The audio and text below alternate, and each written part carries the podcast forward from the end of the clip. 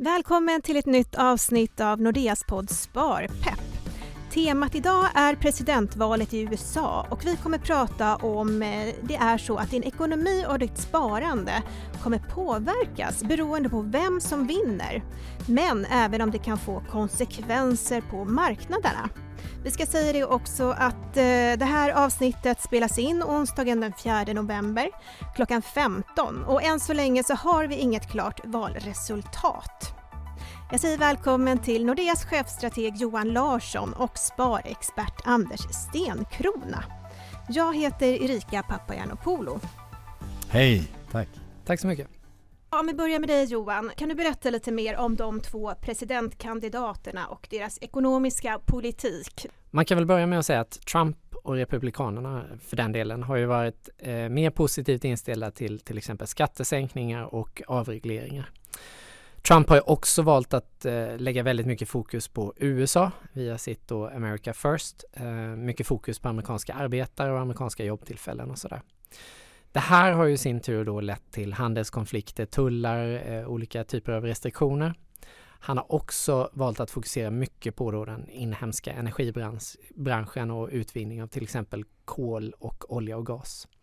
Om man sedan tittar på Biden och Demokraterna så har, det, har ju de då sagt att de vill återställa en del av de här skattesänkningarna som Trump då driver igenom. De är överlag mer positivt inställda då till eh, en omfördelningspolitik med då högre skatter och sådär. Mer likt hur det ser ut i Sverige. Och inför det här valet så har ju Demokraterna också talat om att till exempel reglera prissättningen på mediciner. Det har också talats eh, om att de stora IT och techbolagen vuxit sig för stora, att de då kan behöva att eh, eventuellt regleras eller på, också i slutändan brytas upp och sådär. Sen kan man ju också tillägga då att Biden överlag har en mer grön agenda, eh, till exempel med fokus på beskatta koldioxidutsläpp. Det har överlag varit fokus på, på mer gröna energialternativ. Eh, men det är också viktigt att bara betona att det finns också sånt som förenar de båda kandidaterna och just nu under den här pandemin då så har ju båda satt sig för att, att de vill rädda den amerikanska ekonomin och båda har då eh, utlovat omfattande stimulanspaket. Både med fokus på amerikanska hushåll och eh, omfattande så här, infrastrukturinvesteringar och sådär. Det är väl lite grann om deras ekonomiska politik. Men vad skulle du annars säga är de stora frågorna som kommer vara i fokus framöver beroende på vem som vinner valet? Ja, den, den, stora frågan just nu det tror jag blir hur landet ska kunna eh, lotsas genom den här pandemin. Eh, hur den amerikanska ekonomin helt enkelt ska kunna komma tillbaks. Eh, ekonomin gick ju för högtryck före pandemin och eh, målsättningen är ju då att USA ska ta sig tillbaks. Eh, båda kandidater har som sagt utlovat då omfattande stimulanser eh, men har då inte kunnat enas eh, in, inför valet. Och, eh, man kan ju bara lägga till det också att Demokraterna har liksom ett mer omfattande stöd på sin agenda då. Eh, men det här politiska dödläget har gjort att eh, processen att driva igenom de här sakerna givetvis, ja, det drar ut på tiden, har inte gått att genomföra helt enkelt. Och eh, ja, inför valet helt enkelt, om, om de här stimulanserna hade gått och före i hamn så, så hade ju Demokraterna löpt risken helt enkelt att Trump hade löpt ärevarv med ett nytt stimulanspaket. Och i andra ändan så har Trump då inte velat eh, kanske driva igenom den här processen heller eh, eftersom en del av pengarna skulle landa liksom på städer och delstater som har varit demokratiskt styrda och som i Trumps, liksom från hans synvinkel då har kört i, i diket och inte då ska räddas när man har vanskött eh, ekonomin på det sättet som man har gjort. Men vad är skillnaden jämfört med valet 2016 då Donald Trump vann över Hillary Clinton? Ja, den, den, största eh, skillnaden är ju att eh, Trump den gången, eh, vinsten för Trump kom som en väldigt stor överraskning. Den här gången så har i och för sig Biden legat i ledning då, både hos opinionsunder, i opinionsundersökningarna och hos spelbolagen. Men det är samtidigt så att många då givet hur det såg ut 16 har sagt att Eh, man inte då ska räkna bort Trump eller räkna ut Trump och att det sannolikt kommer att bli mycket jämnare än vad som har framgått i till exempel opinionsundersökningarna. Så att säga. Den gången så sa, målades upp en bild av att om Trump vinner så skulle det leda då till stora börsnedgångar och en svagare dollar. Initialt så blev det också så, men den där nedgången den fångades väldigt snabbt upp och istället så skiftades då fokus mot de här omfattande skattesänkningar som Trump sa sig vilja genomföra helt enkelt. Överlag kan man väl säga att det är inte helt tydligt vad politikerna vill. Den här valrörelsen har varit speciell utifrån det perspektivet eh, och eh, inte minst är det många som har påpekat att Bidens agenda har varit en smula otydlig. Men det handlar ju mycket om pandemin och andra frågor har helt enkelt hamnat i, i, i skymundan så att säga. Eh, de senaste fyra åren ur ett marknadsperspektiv har varit, eh, det har varit högtryck i ekonomin och det har varit börsuppgång och sådär. Eh, men även då om Trump har, har eldat på börsvinsterna eh, så får man ändå också tillägga att mycket av den här positiva ekonomiska tillväxten helt enkelt också får tillskrivas eh, det centralbankerna har gjort och den extrema penningpolitiken vi har fått se. Anders, finns det några mönster som man kan titta på från liknande historiska händelser?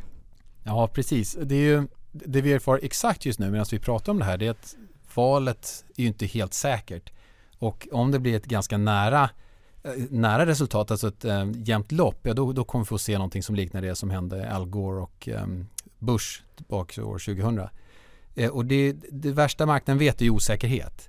Så att då har vi en ganska turbulent, volatil tid fram tills dess. Med mycket svängningar. Ja, det blir lite svängningar fram tills dess. Men så fort ovissheten försvinner, ja då är marknaden rätt snabb på att välja ut vem som är vinnare och vem som är förlorare. Men, men det intressanta är det här med mönster. Vi älskar ju att se mönster. Men mönster ser man ju först i efterhand. Det är det som är det svåra. Så att när man väl har sett, när, man, när mönstret håller på att utvecklas, då, då, är det så, då är det nästan omöjligt att veta vad kommer det här att bli. Så fort det har hänt, då har vi snabbt förklaringar till vad som har hänt och varför. Så vi är väldigt duktiga på att se mönster i efterhand framför allt. Just nu så är det väldigt osäkert i, den, i talande stund i alla fall. Men det har ju gått bra på eh, de amerikanska aktiemarknaderna. Vad tror ni kommer hända framöver?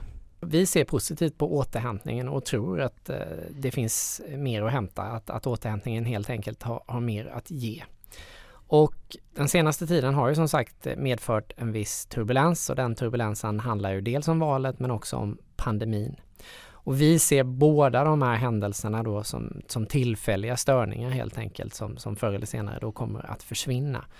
Och vi tycker därför att för de mer, lite mer långsiktiga investeringarna så tycker vi då att man ska försöka se igenom den här turbulensen, man ska lyfta blicken och titta lite längre fram då. Och som, som sagt då, vi tror att den här återhämtningen har mer att ge helt enkelt. Och vad det gäller pandemin då så, så blir ju behandlingsmetoderna bättre och sådär. Men det är också så att vi sannolikt eh, kommer få ett vaccin runt hörnet. Det finns inga garantier men kommunikationen från de som, som är så sagt ansvariga för att ta fram det här har hittills varit positiva. Och sen kan man säga att när, om man tittar på lite mer lång sikt, vilket jag brukar tendera att göra, eh, alltså den som är den sittande presidenten, det är bara en faktor av flera faktorer som påverkar marknaden. Så att på lång sikt, ja, då har det inte, det inte riktigt varit helt avgörande vem som varit president på marknaden, för, på president i USA för marknaden generellt, utan det har varit viktigare då vad har Federal Reserve gjort och vad har kongressen tagit igenom för typ av stimulanspaket det har varit det som verkligen påverkat marknadsriktningen på lite längre sikt. Hur kan det här valresultatet påverka världsekonomin? USA är ett eh, väldigt stort land, det är en väldigt stor ekonomi och USAs BNP väger tungt i den globala BNPn. Eh, USA är väldigt viktigt för världshandeln och eh, USA är också Sveriges tredje viktigaste handelspartner och då kan man säga att, att eh, den relationen har stärkts under senare år. Så USAs betydelse för Sverige som land har blivit eh, viktigare helt enkelt. Politiskt kaos, handelshinder, tunnlar och, och, och, säkerhetspolitisk osäkerhet och sånt där. Det är givetvis någonting som är önskvärt att eh, un undvika. Innan den här coronapandemin tog över så var ju just den här handelskonflikten mellan USA och Kina det stora orosmolnet. Vad tror ni händer med den här handelskonflikten och importtullarna som Trump införde? Ja, det här blir väl lite beroende på vem som blir president. Eh, men man kan säga så här att, att båda kandidater har i, i, någon mån utmålat Kina som lite som en fiende eller hur man ska uttrycka det. Eh, det finns ett ömsesidigt beroende men det går liksom inte att ut, utesluta att den här handelskonflikten med Kina inte då finns kvar eller trappas upp och då i synnerhet om Trump eh, är kvar så att säga. Och sen har ju Trump även pratat om och flaggat för att han, han eh, ja, han har varnat för att det kan tillkomma tullar mot Europa och sådär. Ja, och eh, Sverige det är ju ett väldigt exportberoende land och har ju breda ekonomiska relationer med USA. Men hur kan eh, Sveriges ekonomi påverkas framöver? Ja, det, det är som jag sa eh, precis här att USA är Sveriges tredje viktigaste handelspartner och betydelsen har ökat under senare år. Så vår relation till USA är, viktig. Men eh, sett i backspegeln så kan man konstatera att det har fungerat bra under de senaste fyra åren och i dagsläget så finns det ju ingen så här, eh, jätteanledning eller någon uppenbar anledning att oroa sig för att den relationen på något sätt skulle kraftigt försämras. Men givetvis om Trump blir president och han eh, står kvar vid sitt hot då att införa tullar mot Europa och då har det handlat väldigt mycket om bilindustrin och sådär så riskerar ju även sånt här, en sån situation att, att i slutändan drabba Sverige. Ja, som sagt så har vi inget eh, valresultat än och vi vet ju inte vem som blir president i USA. Men Anders, hur kan jag eh, generellt tänka som sparare? Ja, eller hur? Det här är ju någonting som man hela tiden som investerare och som sparare tänker vad, vad, hur ska jag tolka all den informationen som kommer? Och det är väldigt spännande att se på utvecklingen. Men för min egen del och för vad jag tycker är ett generellt bra råd är att undvika att försöka tajma. Alltså undvika att försöka sälja och sen köpa tillbaks vid rätt tillfälle. För det, det är ju ursvårt av flera skäl. Och om du säljer eller om du går ur marknaden för att du tycker det är osäkert och, och läskigt ja då, då kommer du inte våga köpa dig tillbaks förrän det känns säkert igen. Och då har du ju missat eventuell uppgång. Det, det, det är bara det är rent logiskt. Så att, och man kan tänka sig så här, om du ser en möjlighet i marknaden, om man tittar på allt som sker och så tycker du att du ser en investeringsmöjlighet eller ett, ett glugg någonstans. Här verkar folk ha missat. Ja, då ska du ha lite respekt för att marknaden är väldigt stor och effektiv. Jag kan tänka, tänk om det fanns 10 000 till precis som du som ser exakt det du ser och, jag menar, då, du har inte en chans. Så att det är väldigt stor risk att man hamnar steget efter hela tiden om man försöker tajma en sån här typ av orolig eller osäker marknad. Så jag säger, de som har lyckats historiskt är de som har investerat långsiktigt med en tydlig investeringsstrategi med en diversifierad portfölj. Det är de som är vinnarna i längden. Men är det något eh, konkret som jag som sparare behöver göra? Ja, alltså förutom att bara tänka långsiktigt och investera regelbundet, vilket är, är det vinnande konceptet i längden. Det, jag tycker man ska tänka i termer av risk. Så se till att din portfölj speglar den risk du är villig att ta. Och den här dialogen kan man ju ha med sin rådgivare. Säga, är jag rätt, har jag rätt risknivå nu? Så att om någonting händer i marknaden eh, och din risk i din portfölj ändras, ja då kanske det är läge att, att, så att säga, korrigera risken. Alltså till exempel om du har aktier och räntor. Man, man, det kan vara en normal kombination, aktier och räntor. Och så tänker man sig att aktierna, ja vad kan det vara, säg att de rusar på börsen. Ja då ökar ju faktiskt risken i din kombination, i din portfölj, för aktieandelen ökar ju. Ja då kan det vara läge att prata med en rådgivare och säga, ska jag minska aktieandelen nu för att komma tillbaka till en risknivå som jag ursprungligen ville ha? Så att om omallokering och förändring i din portfölj bör styras av din strategi snarare än av händelser i marknaden. Det är, det är mitt generella liksom, tips. Det är bra tips. Och vi brukar ju prata ganska mycket om det här med att det är bra att eh, månadsspara i fonder till exempel. Men hur ska man tänka nu? För nu kommer det kanske bli lite svängningar på marknaderna. Ska man fortsätta att månadsspara ja, precis. även framöver? Och jag förstår absolut oron i en sån typ av frågeställning. Men mitt svar är absolut. Alla tester vi har gjort visar att Långsiktigt och regelbundet sparande, det är det vinnande konceptet. Så att om man vill tajma och tänka att jag kanske ska vänta tills oron är över, det kan lika gärna bli så att man går miste om en uppgång. Alternativt om du går ner, om du fortsätter att regelbundet spara, då köper du faktiskt in dig på billigare och billigare nivåer som sen du kan vara med på en uppgång. Poängen är att om man försöker tajma så är risken för stor att man missar uppgångar. Och när tror ni att eh, vi har ett klart valresultat om vi skulle spekulera lite? Ja, den kan Johan. Ja, vad skulle du säga? Ja, det har, det har ju svängt en hel del bara under innevarande dag här så att säga. Men eh, och från början var det ju sagt att kanske mot slutet av veckan då när man har hunnit eh, räkna igenom poströsterna på, på alla håll. I vissa fall fick man inte börja räkna förrän så att säga vallokalerna hade stängt och sådär. Men om, om det skulle bli väldigt jämnt och eh, valet blir ifrågasatt av endera part och eh, det tas till exempel till domstol, då kan det ju högst sannolikt dra ut på tiden. Men eh, det måste finnas ett resultat på plats någon gång i början på december tror jag det är och runt den 20 januari, om det inte är den 20 januari, så svärs ju den nya presidenten in. Så att det är ingen fara på taket, det är inte så att det inte finns en president. Trump sitter kvar till och med januari oavsett eh, om vi har ett valresultat eller ej de nästkommande dagarna så att säga. Men allt från slutet av veckan då eh, till att det drar, drar ut på tiden helt enkelt. Spännande att se. Men avslutningsvis, vad är viktigt att ha koll på framåt nu? Ja, marknaden eh, är ju väldigt mån om att den nuvarande återhämtningen som vi befinner oss i då inte ska äventyras och inte minst då mot den här ökade smittspridningen som vi ser.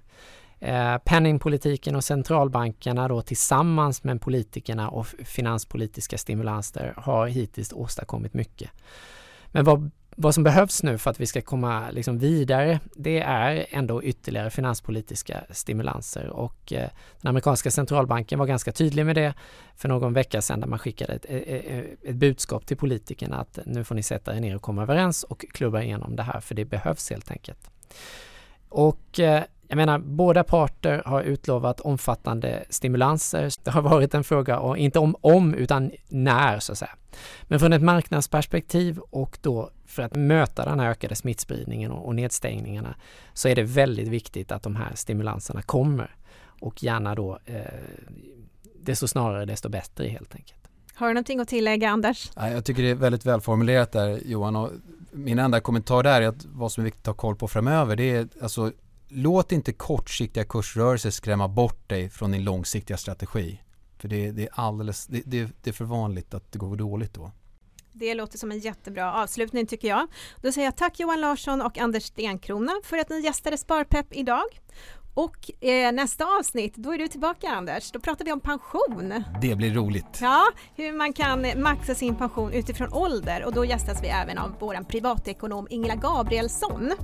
Så då hörs vi igen. Tack så jättemycket för att ni har lyssnat och eh, kolla in nordea.se, nordea.com och våra sociala medier för mer information. Ha det fint!